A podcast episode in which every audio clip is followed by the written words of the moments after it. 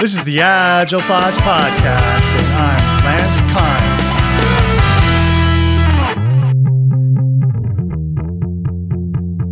I'm Joel BC. Uh, I'm known as the Gorilla Coach because I got a reputation for talking about difficult topics that people don't want to talk about. I am a certified Scrum trainer, certified team coach.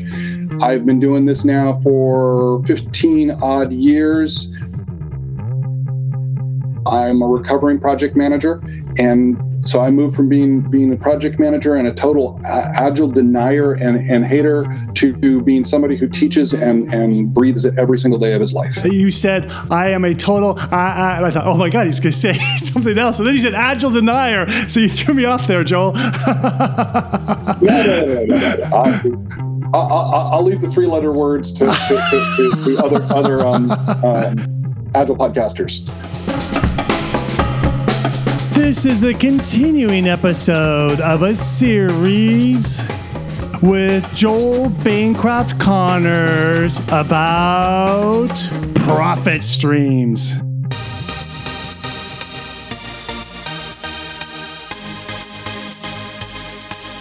How is a Scrum team operating differently if, if they're using profit streams? I read a lot of books. A book that I really, really love was written by, by um, uh, Ainsley Nies and Diana Larsen. It's called Liftoff, Making Good Teams Great. And in it, they talk about really, it's an agile chartering book. And part of it is they, they talk about that context and what's the vision, what's the mission, what's the mission test. And I've used the vision, mission, mission test for a long time when I've when I've been lifting off teams. All the way back when I was you and I worked together in the in, in the good old days of Solutions IQ. Yeah. And that whole that vision it's like okay great the product owner goes well what's the vision and how what does that mean and it's like okay it's great to have this vision but how does the team connect to that and I always found it really hard to connect vision, mission, and then you have this big gap, and then you have the product backlog. Hmm. And what I see with getting teams involved in what is the value exchange model? What are the profit engines that we're going to use to try and increase revenue in the future? What are our solution licenses? I what what are the licenses that we're licensing from other people to provide our product?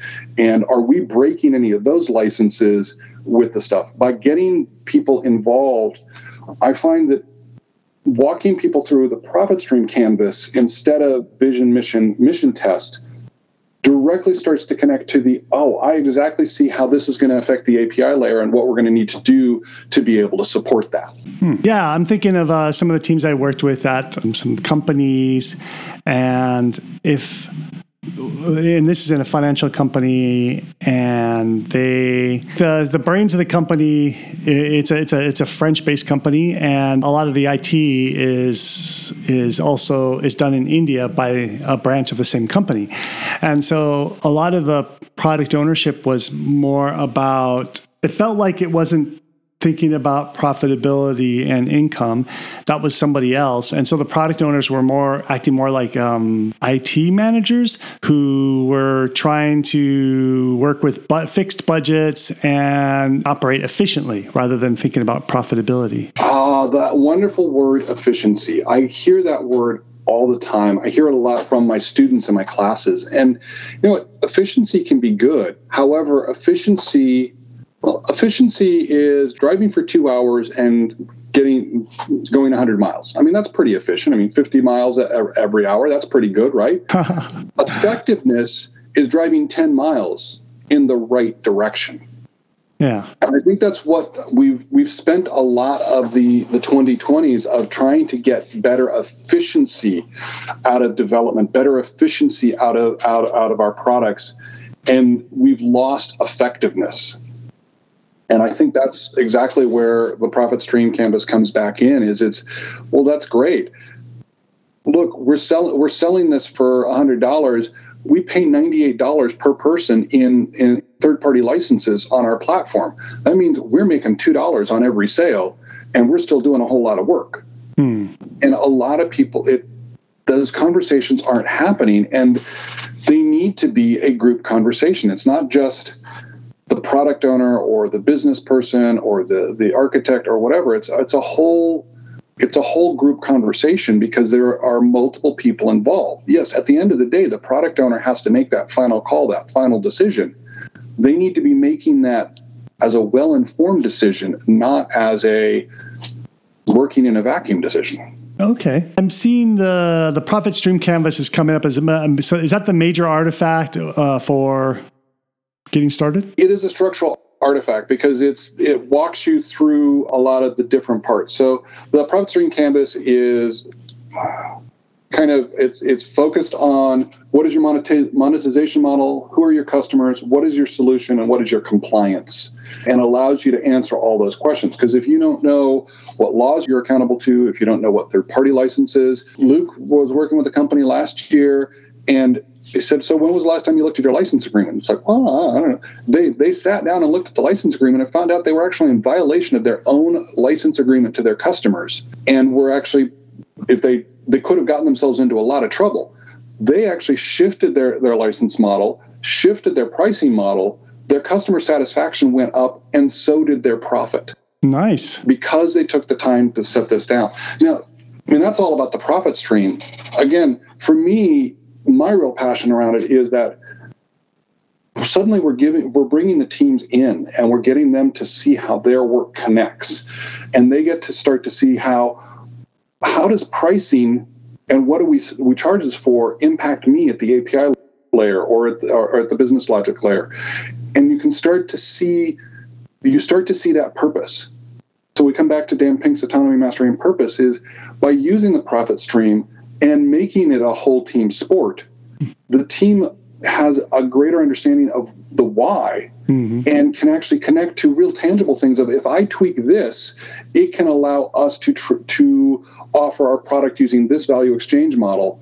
If I do this, we could potentially open up a whole new market through a new profit engine model. And suddenly you've got that engagement.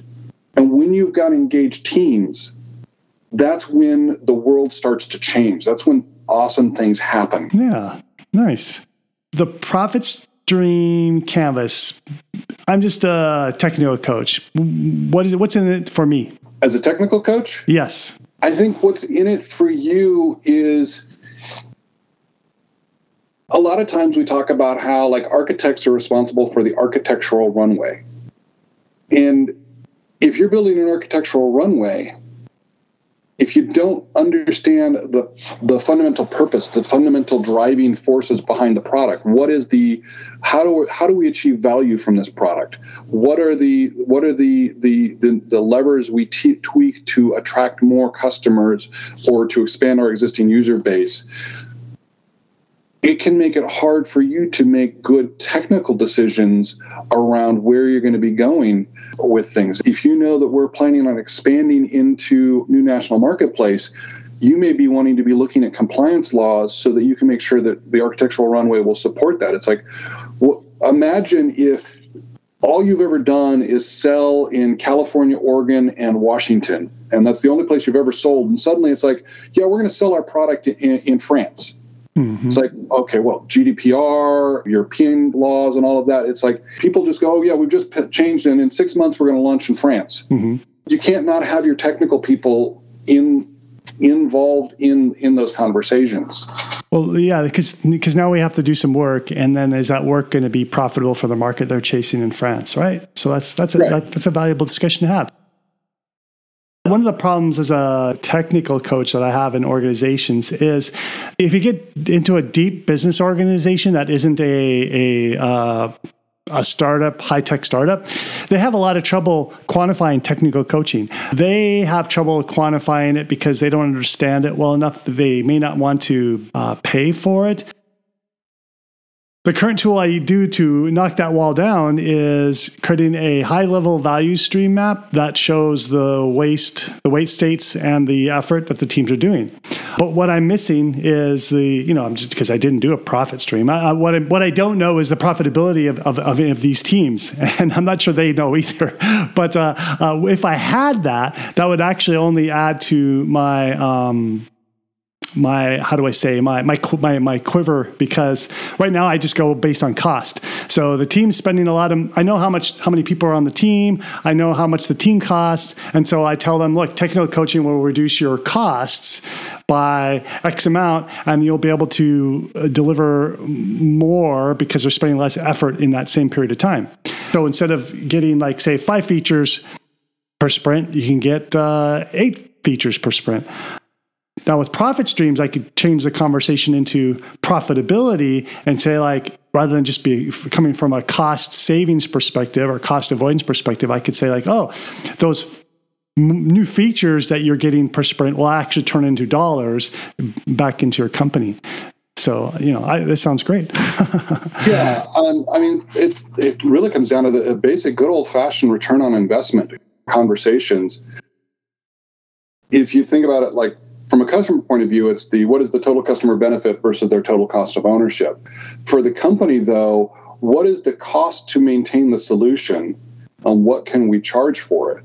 And all too often, we don't actually look at that and it's like, well, let, us just cut, cut, cut, cut. And sometimes you actually need to invest in solution hmm. or you're not going to be able to actually charge for that. When I almost, I guess, almost two decades ago, I worked at an enterprise software company and we built this control management console for the, the product suite. And we got it, we just they cranked it out. They, they built the first concept in six months. They had a shipping product in 12 months. Customers loved it. It was great. It was the fastest growing product. Customers going, this is awesome. And they just kept asking for more and they just kept going, great, this is great, this is great.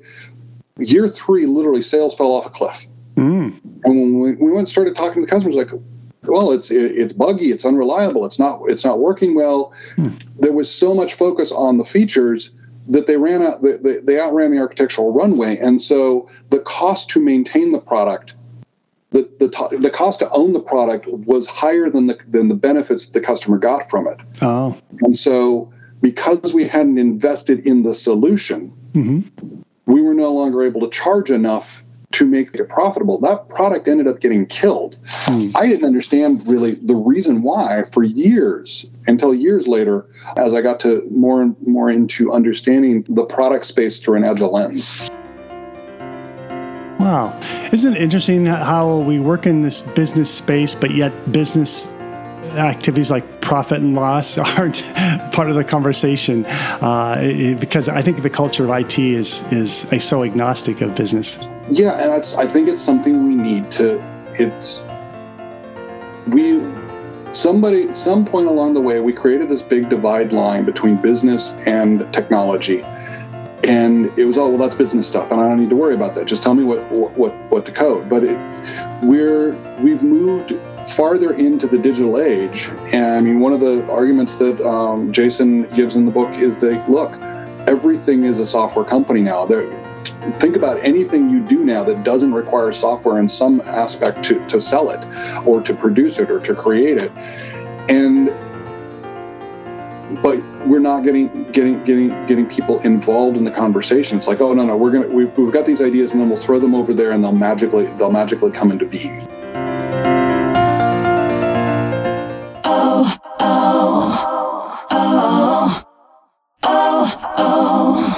Agile Thoughts wants your help. However, you find our show, be it through iTunes, Stitcher, or any of the other podcast aggregation systems, go ahead and leave us a review. Click some stars, and that will help us grow the show. Thank you.